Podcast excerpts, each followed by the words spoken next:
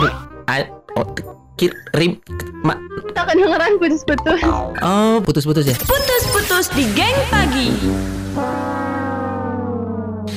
Halo, Dengan Risma. iya betul. Kenapa? Saya ini Broto dari Square. Oh iya, Iya. ada apa Pak? Dari Square, saya mau konfirmasi. Ini saya dapat laporan bahwa ternyata kemarin saat latihan Risma ini datangnya lebih dari 10 orang ya masuknya. ya. Enggak Pak, itu ada dua surat, Surat apa nih? surat perizinan.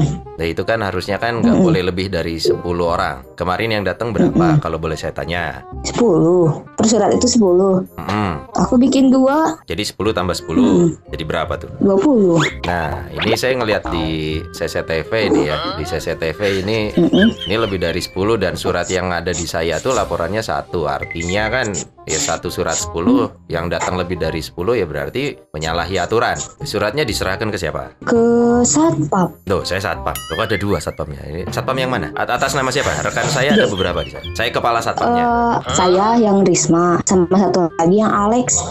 Diserahkannya ke Kalau yang aku yang Risma itu ke satpam yang bawah. Pak Sunyoto, bukan? Siapa yang gak tahu deh. Pak Dalimin bukan namanya, satpam yang bawah. Gak tahu. Nah, ini yang nyampaikan cuma satu. Jadi saya sepertinya harus mengkonfirmasi kalau surat yang dari Alex tuh cowok cewek rekan Anda. Cowok, cowok, cowok. Nah, kalau yang dari Alex ini nggak ada, berarti cuma ada yang surat dari adik Risma. Nah, sepertinya harus diberlakukan sanksi Sanksi apa Pak? administratif karena supaya ini saya juga harus laporan ke atasan. Jangan sampai nanti pengunjung lain tidak nyaman. Kalau tidak nyaman karena ada yang melanggar aturan lah kok dibiarkan gitu.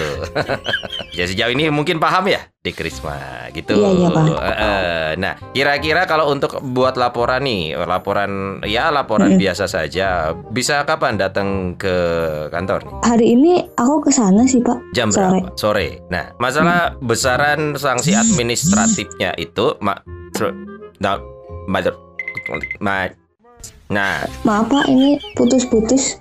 ma- ya ma- 5 juta kurang lebih ma- ma- like, ma- like, nah, nah, jadi halo masih di sana? ya aduh. Kenapa? Aduh. Putus-putus tadi Bapak ngomong. Oh iya, berarti bener ini Risma yang lagi di acara putus-putusnya MGT Radio.